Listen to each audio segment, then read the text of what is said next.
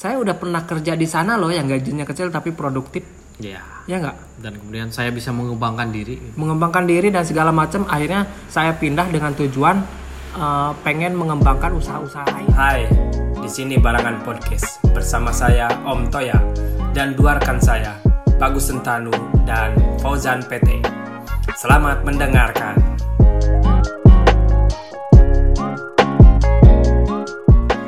Halo, selamat malam. Saya bareng Bagus Sentanu nih. Kali ini uh, Fauzan PT lagi apa? lagi kejar setoran Kejar setoran. Kejar setoran. ya. Lagi fokus untuk apa ya? Meminang sang kekasih. Hmm. Ya. agak rep, eh, lagi kerepotan sama kantor urusan agama Memang serepot itu ya. ya ya repot menurut menurut saya sih Sebetulnya eh, repot karena memang ya ada ada ada beberapa yang apa ya? Ah. eh, karena kita pandemi ya mungkin ada beberapa hal yang perlu dibatasi gitu. Ah, Contoh ya dalam melakukan ya ini LDR ya. LDR gitu ya. kalau pandemi ini nikahnya virtual nggak sih nah, seperti yang kemarin kita bicarain sebelum-sebelumnya udah ada Heeh. eh, nikah virtual. Eh, ya doain aja semoga lancar. Eh, habisnya sih di kontak-kontak ya, Mm-mm. di kontak-kontak Gak kita mau kemarin terakhir dia bilang nggak di Cibingbin Oke, lagi ngapel. Hmm, saya pikir apa dia jadi distributornya bukan lagi di Cibingbin gitu Eh, saya pikir ini ada problem apa nih sampai nggak balas-balas WA-nya ya. Eh, jadi apa enggak gitu. ya moga-moga jadi ya. nah, eh, kali ini kita ya sudah sih ngobrol-ngobrol tentang apa ya? Tentang kita berdua aja. Oke. Oke. Berdua aja. Tapi kayaknya lebih seru nih. Walaupun berdua tetap seru. Jadi ceritanya gini ya. Ada satu kasus tadi tuh. Eh, saya tuh memang lagi pandemi seperti ini memang beberapa karyawan Hmm. beberapa karyawan itu pada sakit banyak yang pada sakit gitu Mm-mm. entah sakit karena kecelakaan kah atau memang musim pandemi seperti inilah ya memang agak-agak makruh gitu jadi ya satu sisi yang udah punya kerjaan terhambat dengan kesehatan gitu.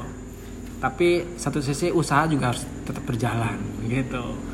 Nah makanya tadi ada ada satu kesempatan apa ya buka lowongan pekerjaan loker Nah, berarti yang sebelum sebelumnya itu memberhentikan diri ya? Bukan diberhentikan ya? bukan sebetulnya ambil cuti. Ambil cuti. Mm. kebetulan kecelakaan Heeh. kecelakaannya jatuh sih ya. Jatuh dari motor ya akhirnya eh, minta cuti deh intinya. minta cuti. Gimana kalau saya cari lagi gitu ya. Nanti kamu cuti kalau udah sembuh ya monggo balik lagi gitu ya. Lagian kan eh, cari kerjaan ini memang lagi sulit gitu ya. Mm-mm. musim pandemi. Makanya buka open recruitment open ya buka lowongan pekerjaan gitu loh. Eh, seperti biasa tekniknya simpel cuman bikin status gitu bikin status eh, dibuka nih lowongan pekerjaan gitu loh. Eh, perempuan dan eh, apa ya eh, tidak tidak tidak memberatkan terhadap apa ya terhadap pengalaman gitu. Oke. Nah, satu syaratnya adalah eh, perempuan waktu itu waktu tadi itu saya butuh kasir. Kasir itu biasanya perempuan karena dia yang sudah sudah pengalamannya ulet ya Iya. tapi ya lebih teliti ya kalau iya Eh, nggak menutup kemungkinan sih cowok juga ini apa namanya ulet juga ada Betul. gitu cuman kalau cewek itu lebih gimana ya multitasking kalau nggak salah gitu bisa Ah. Nah, syaratnya cuma dua, domisili di sini dan perempuan. Sudah gitu. Gak usah banyak tanya deh. Berarti saya tidak apa tidak mensyaratkan apakah itu pengalamannya dan segala macam Ah. gitu. Yang mau kerja silakan silakan monggo gitu. Nah, ini mendaftarlah gitu. mendaftarlah merapat gitu loh akhirnya responnya lumayan bagus beberapa teman-teman yang memang lagi membutuhkan gitu ya Ah. akhirnya respon buat di mana nih om gitu kan buat di mana buat di saya nih di toko gitu kebetulan saya tuh tokonya kelasnya UKM lah. Ya. Oke, oke, udah. Ya. Nayamun lah. Nayamul lah gitu lah. Eh, cuman memang masih masih bertahap ke komputerisasi gitu. Oke. kasir otomatis pegang komputer. Sudah gitu. Kenapa nggak nggak nggak apa namanya nggak mencantumkan syarat harus bisa komput harus bisa harus punya pengalaman gitu Oke. enggak karena ya sepengalaman gimana ya eh, banyak ya lowongan-lowongan pekerjaan gitu dibutuhkan di antaranya syaratnya adalah Ah, ah. syaratnya adalah eh, sudah berpengalaman minimal 2 tahun gitu Oke. akhirnya kan kita ya saya juga dulu ya saya du- juga dulu eh, pencari loker para pencari loker gitu ya wah cari-cari loker tapi ada satu syarat yang mengganjal di antaranya adalah itu Pengalaman eh, kerja. pengalaman kerja Di bidang tersebut ya. Iya. di bidang tersebut ya. Saya pikir wah gimana caranya saya kerja nih pengalaman aja belum gitu. Eh, setiap pekerjaan harus punya pengalaman, harus punya pengalaman. Ada nggak sih eh, saya ini kerja menjadikan pengalaman perdana gitu loh, Hmm. gitu kan? Gitu. Nah makanya nggak nggak nggak saya ini nggak saya apa namanya beratkan dia situ nah ketika responnya itu bagus ada contoh aja lah Ya, gimana, salah satu gimana? contoh gini yang responsif gitu Eh, assalamualaikum katanya gitu. Waalaikumsalam. kebetulan kontak personnya saya sendiri langsung Ah, ah, gitu. assalamualaikum katanya. Waalaikumsalam. Eh, ada loker nih ya kak katanya. Ada loker ya. Buat di mana? Saya jawab kan otomatis. Buat di saya. Ya buat di saya.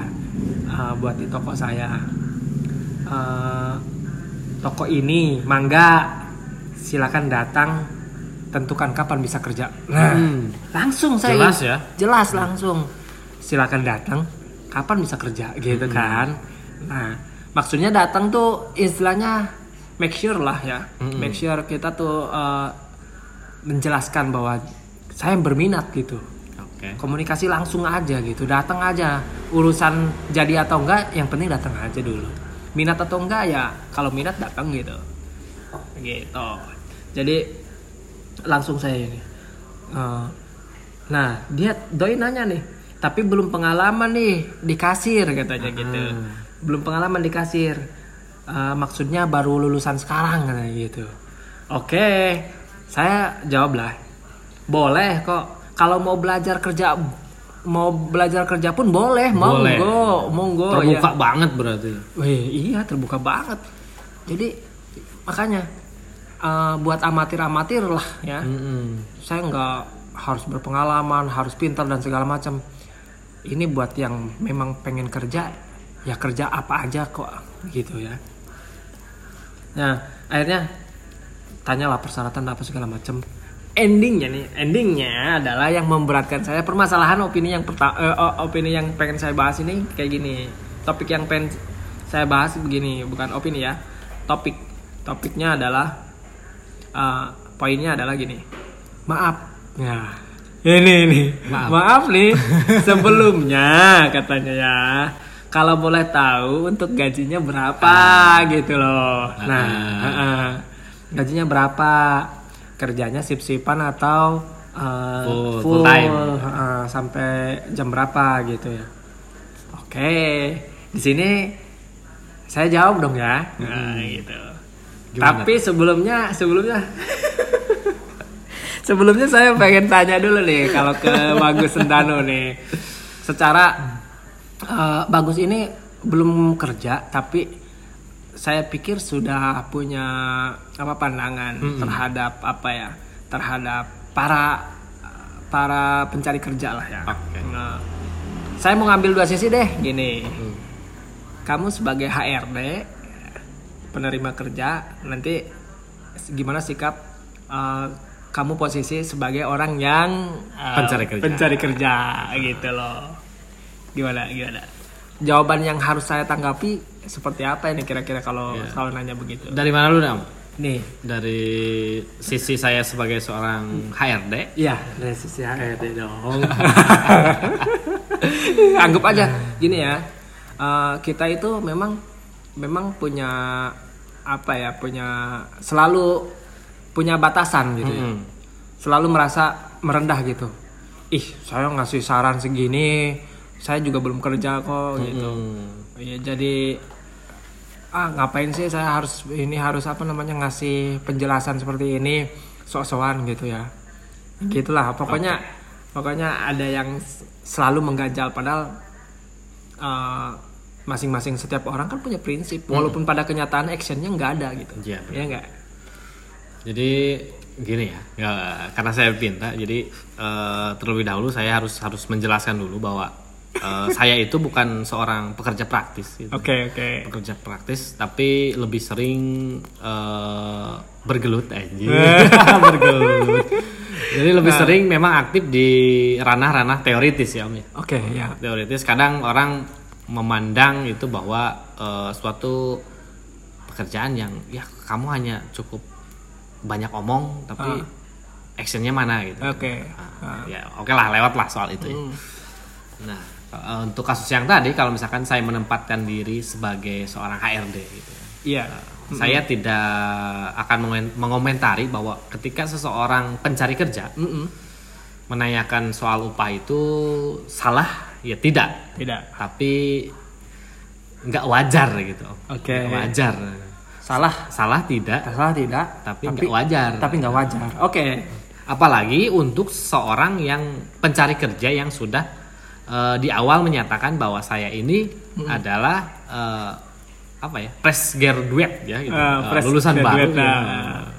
benar apa salah sih benar. benar golden age ya wah matang-matangnya ini untuk cari kerja gitu. Nah. apalagi dia aju mumpung juga. Mumpung pandemi nih. Mumpung pandemi. Iya, udah lulus kerja, ada lowongan ya kenapa nggak disapa gitu loh. Soalnya kali ini kan eh, ketika kita memang belum ada pengalaman, kadang-kadang kita itu dipandang sebelah mata gitu. Oke, ya. Mentang-mentang kita belum punya pengalaman kerja, kita selalu dianggap bahwa kita itu tidak punya kompetensi. Ah, ah.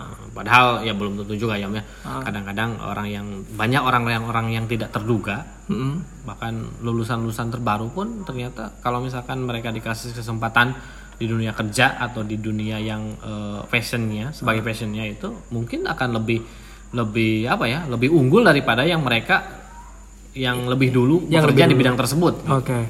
Kasih makanya ada prinsip eh, zaman udah bergeser juga sih sekarang. Jadi oh pada para senior tuh memberikan kesempatan pada kaum kaum muda. Hmm. Karena apa ya kaum muda itu memang ya seperti tadi paling utama adalah fresh graduate ya minimal gitu. Mereka punya pemikiran-pemikiran yang apa yang bisa diupayakan selanjutnya. Visi misinya mereka masih masih apa ya masih segar gitu. Hmm. Ketika melihat eh, melihat seniornya, mereka menilai bahwa apa nih kekurangan yang harus di di apa dibangun ulang gitu. Apakah itu meneruskan dan at- atau apa ataupun mengembangkan gitu kan. Jadi ya eh, apa ya namanya? Kita jangan melihat sebelah mata juga ya. Iya. Iya. Gitu. Tapi untuk ya kasus yang tadi sebenarnya untuk orang-orang yang memang baru mau bekerja eh, sebisa mungkin ya salah tidak kan tadi juga salah tidak tapi eh, sebisa mungkin kamu hindari eh, menanyakan soal upah gitu Ah. kan. Jadi kamu sudah dikasih kesempatan untuk belajar dan diterima pun dengan tanpa memiliki portofolio yang luar biasa di bidang tersebut, ya itu sudah sudah rezeki banget, gitu. Ah. sudah rezeki banget. Kita lihat deh eh, seleksi-seleksi tenaga kerja di swasta ataupun di pemerintahan gitu kan. Mereka selalu mensyaratkan minimal gitu kan. Minimal itu IPK gitu. Oke, minimal itu nilai-nilai terakhir selama kamu eh, menempuh jenjang akademik Iya. gitu kan. Padahal kalau misalkan kita lihat itu sebuah kesalahan gitu. Ah. Karena sama saja dengan tidak memberi kesempatan ke siapa pun gitu. ah, Nah, Kemarin makanya kita sempat bahas ya Om ya soal soal bagaimana lulusan PTN dan lulusan PTS, PTS, gitu. nah. Kenapa yang di, di PTS harus punya IPK lebih tinggi daripada yang di PTN gitu kan. ah. Seharusnya yang perlu dipertanyakan itu mereka yang lu yang lulusan dari PTN kan yang yang sudah dianggap pintar. Kenapa mereka yang sudah dianggap pintar boleh dengan IPK sekian, tapi kita tidak boleh dengan IPK segitu, gak bisa melamar gitu kan. Iya. Nah, kalau lihat portfolio kan tadi baca sebagai apa namanya? Seberapa jauh portfolio kamu? Hmm. Dalam artian gini ya, por- portfolio ini jangan jadi satu kelemahan juga sih ya. Hmm. Kita kan memang eh, apa ya namanya? Portfolio kamu, pengalaman kamu setelah kerja ini eh, eh, kerja di mana nih gitu ya. Hmm. Padahal gitu kan kalau kalau dilihat gitu. Portfolio ini penting tidak penting gitu. Bagi yang sudah senior ya penting, di di di dimakalahkan gitu ya. Contoh ya di di apa ya? Apa ya namanya kalau di clipping ya? Clipping. Apa ya istilahnya? sebetulnya sama. Nah, gitulah pokoknya. di diary. Ah. di diary ini saya pengalaman kerja dan segala macam itu penting. Cuman eh, ketika tidak punya portfolio, ya kamu tunjukkan dong bahwa saya pengen mem- mengawali karir di sini nih, gitu, gitu loh.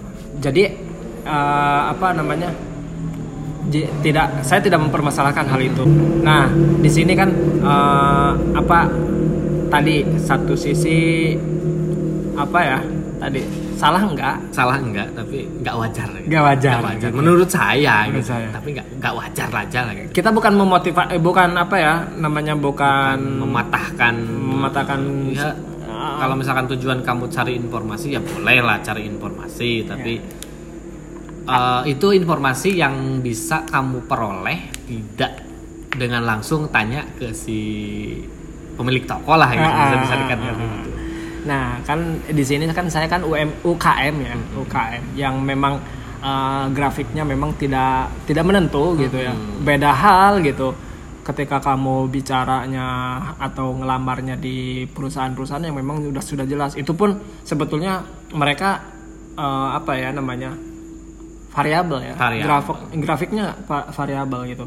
Nah, di sini kan boleh, nggak salah sebetulnya. Nanya nanya gaji itu nggak salah gitu. Nanya gaji. Cuman yang menurut saya sih alangkah baiknya kamu tunjukin dulu deh Iya, skill Tunjukin dulu atau skillnya. skill loyalitas lah. loyalitasnya. Dan akhirnya saya jawab nih. Akhirnya saya Gimana kan mi- mikir ya tadi tuh. Eh, punten katanya ya. Punten ya. Sebelumnya sebelumnya itu apa ya namanya? Di sini apa ya? Punten sebelumnya kalau boleh tahu gajinya berapa nih? Nah, di sini. nah, saya mau jawab ini. Akhirnya saya jawab ya tergantung tergantung kemampuan kamu. Kan saya belum bisa baca. Sia- eh, kamu itu siapa? Kemampuan kamu apa? Terkecuali kamu presentasi nih saya sudah punya portfolio itu ya satu. Kalau supamanya nggak punya portfolio ya minimal kamu punya gagasan apa nih terhadap eh, toko yang eh, kamu kerja kamu kerja ini? Nanti gagasannya apa? Gitu Nah di pekerjaan ini belum ada, belum saya juga belum ada gambaran. Dia pun belum ada ga- gambaran. Kenapa? Ya saya pengen tahu ya kemampuannya. Tergantung kemampuan gajinya kata saya. Teh eh, saya jawab gini, tergantung kemampuan kamu, gajinya variabel gitu. Semakin bagus kerjanya, semakin meningkat gajinya, gitu kan, gitu. Ya tidak menutup kemungkinan saya juga bisa mungkin kalau memang, wih ini apa namanya potensinya bagus banget nih kerjanya ternyata improvisasinya ternyata bagus dan segala macam visi misinya jelas gitu ya. Ah, akhirnya banyak me- meringankan pekerjaan banyak eh, efektivitas dan ya maksudnya berkembang loh ya. Oke. owner pun gak bakalan sungkan untuk uh, ngasih jaminan kebutuhan dia Iya. dong gitu loh. Jadi gak menutup kemungkinan juga kemungkinan juga kalau uh, tarik tarapnya taraf pekerjaannya makin meningkat makin naik ya kamu bisa melebihi dari standar uh, upah gaji minimum gitu. gaji minimum. gitu loh. Jadi ya saya jawab ya kayak gitu.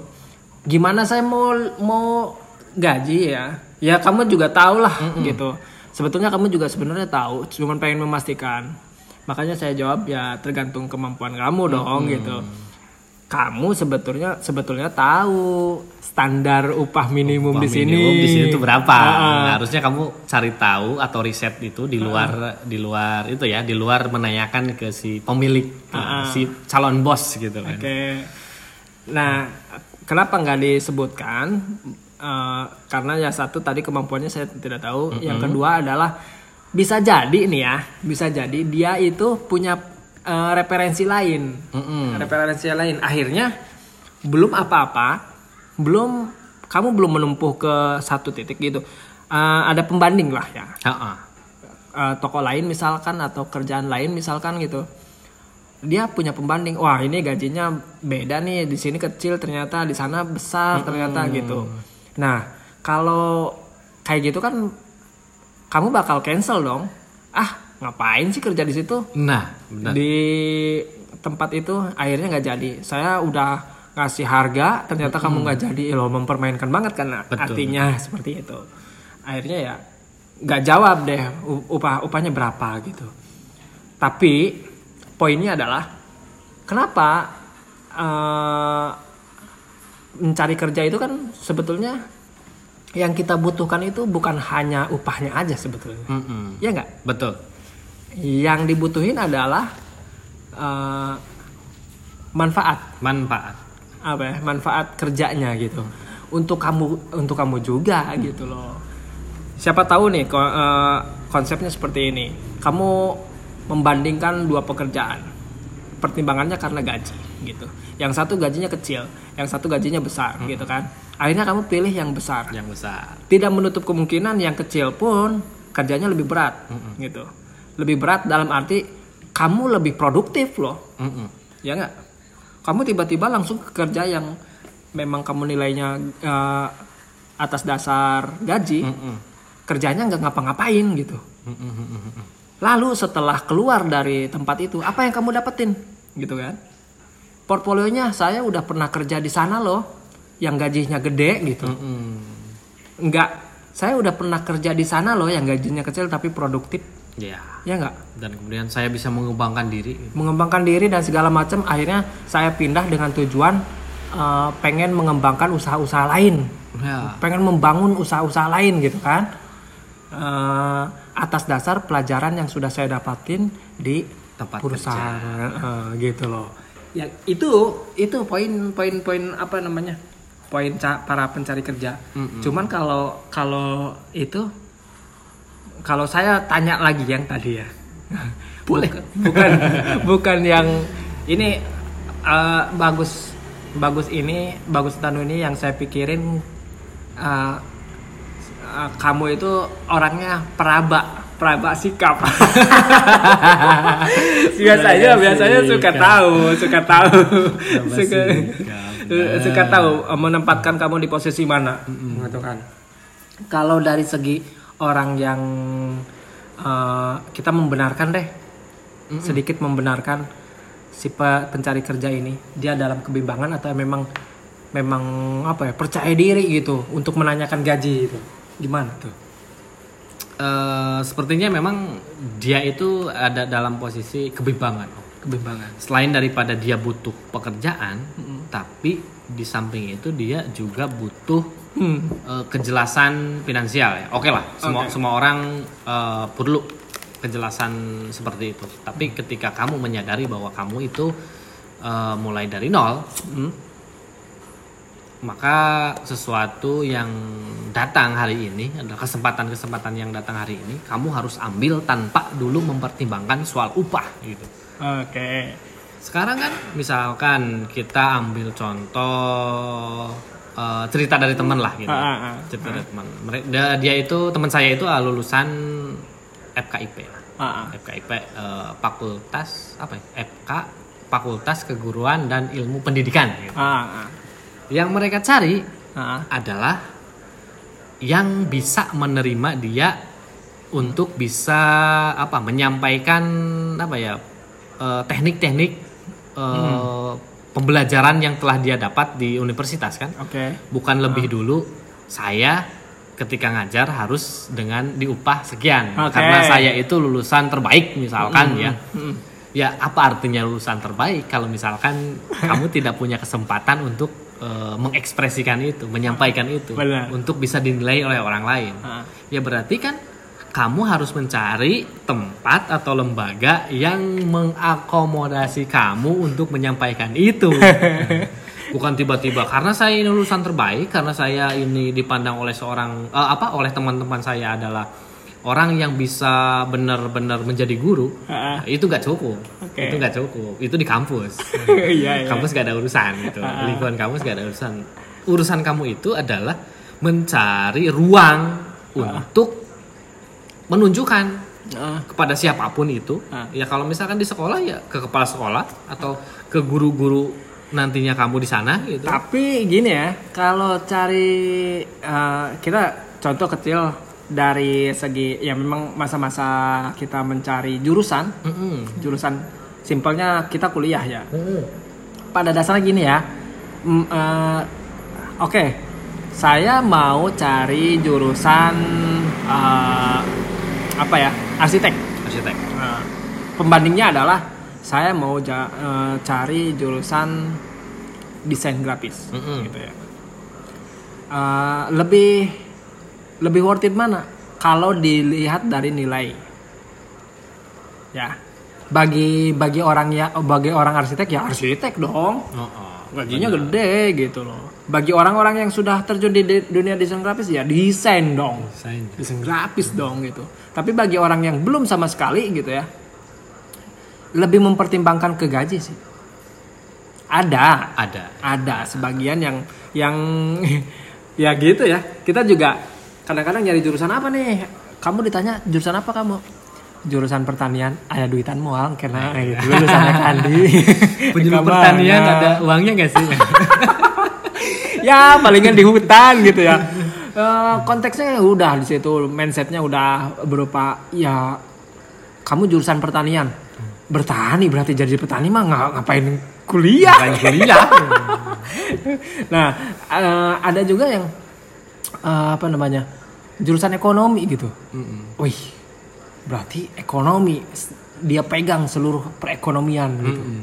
Ekonominya ekonomi mana? Masih masih luas loh padahal Iya, ya kan? padahal dia belajar mikro. Ya, ternyata bayangan dia di makro itu Aduh. Nah itu kan, tapi itu ya tidak mungkiri ya, Heeh. tidak munafik juga. Saya juga seperti itu dulu dulu benar, seperti itu. Kamu juga ya, Gus ya. sama mungkin. aja Nanti kerja setelah kerja, yang saya bawa kan jurusannya, jurusan Benar, apa gitu ya. Eh, otomatis bidangnya pun harus sesuai atau sejalur gitu, Ah. sejalur jurusan yang sudah ditempuh dengan apa ya masa kuliah ya, masa kuliah. Jadi udah terbayang eh, nanti gaji saya berapa nih kalau kuliah di sini. Ya sebetulnya eh, sebetulnya kan udah dijelasin itu di podcast sebelumnya juga ya.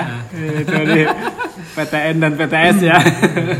karena kan masa sih misalkan misalkan ini kan dia berani nanya upah itu karena eh, dia bakal bekerja di suatu perusahaan perseorangan lah. Oke, ya. Tapi apakah kamu akan menanyakan ketika kamu misalkan mau mendaftar di salah satu apa ya eh, bidang yang diselenggarakan oleh negara, Oke. CPNS lah gitu. kan. Ah, ah.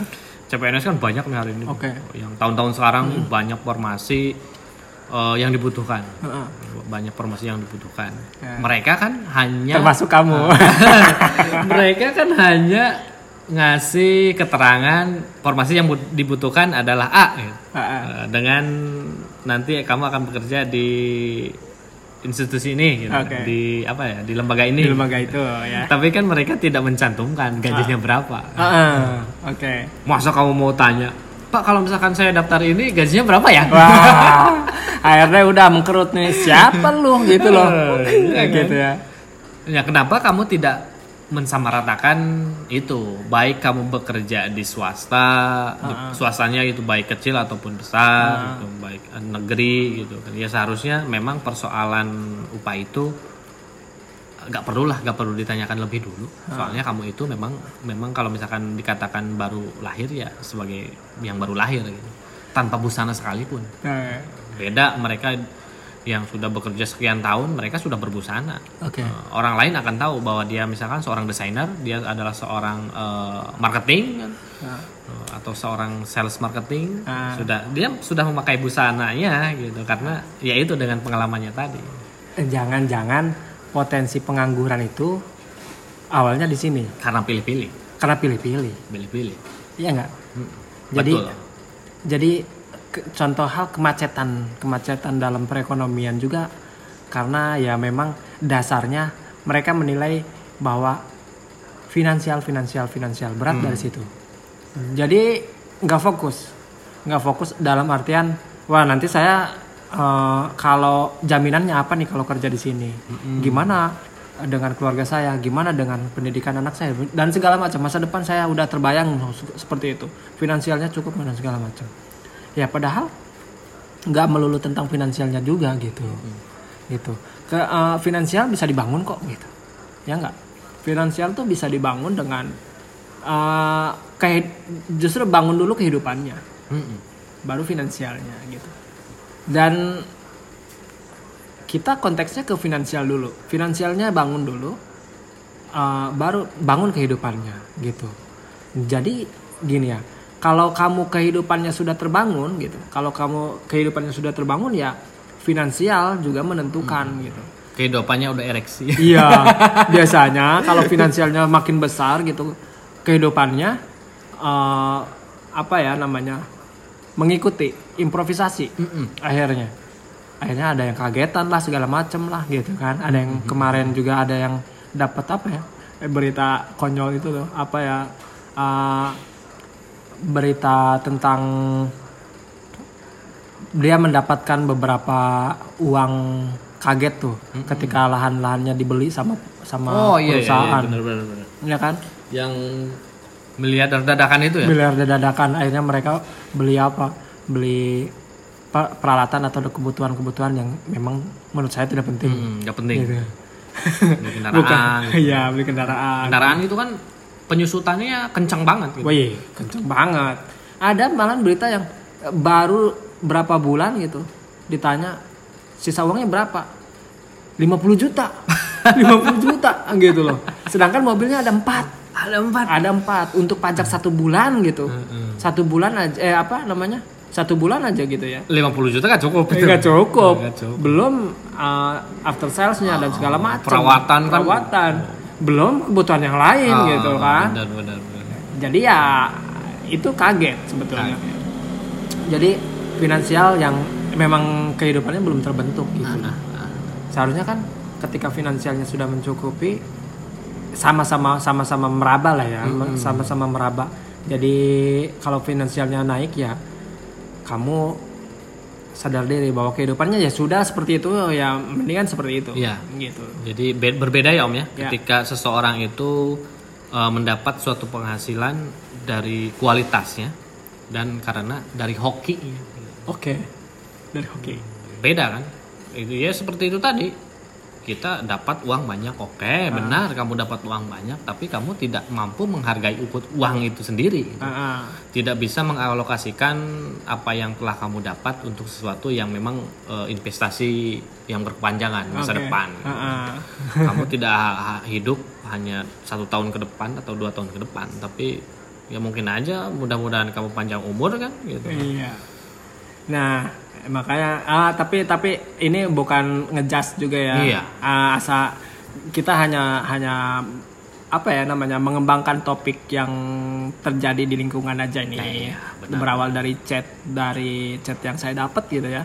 Jadi ah, kalau Indonesia eh, apa tingkat penganggurannya makin meningkat ya karena memang banyak yang pilih-pilih itu intinya gitu kita memang nggak nggak mungkiri bahwa bahwa apa ya ya kita kalau su- kalau sudah darurat ya kenapa nggak kerja yang seadanya aja gitu loh. Jangan jangan apa ya? Jangan banyak pilih-pilih, jangan banyak pikir-pikir. Kamu udah darurat kok. Dan yang lebih penting untuk ditanyakan itu ya bukan ke upah ya. Uh, up- upah itu perlu ditanyakan ketika nanti ada ketidaklancaran. Oke, itu bisa ditanyakan. Dan yang paling utama yang seharusnya kamu tanyakan itu untuk seorang yang tidak memiliki pengalaman sama sekali adalah soal tugas, wewenang dan tanggung jawab. Harusnya kamu tanya itu. Ya, Tugasnya kasir itu seperti apa gitu. Oke. Wewenangnya seperti apa gitu. Tanggung jawabnya seperti apa. Nah, makanya gimana kalau saat itu saya balikin job desk kamu ini Heeh. eh, oke gini. Ketika kamu tanya eh, ketika kamu tanya gaji, oke saya sebutkan gitu. Tapi kamu harus menguasai ini, ini, ini, ini. Nah, Lebih baik kamu pasrah deh ya di situ. Ya kamu di intinya kerja gitu. Heeh. Kerja. Finansialnya berapa? Tergantung kamu kemampuannya. Saya kan meraba dulu, meraba dulu. Intinya gitu. Jadi uh, seberapapun gaji kamu gitu, itu tergantung kemampuan gitu. Betul. Seharusnya seperti itu. Beda hal gitu untuk hal-hal ya apa namanya kerja di mungkin mungkin kerja di perusahaan swasta perusahaan-perusahaan yang memang udah saklek gitu ya. Tugasnya job desknya ya ada yang ringan tapi gajinya besar ya ada, gitu, ada, aja gitu. Kita selalu terngiang-ngiang dengan apa zona nyaman. zona nyaman gitu. Ya.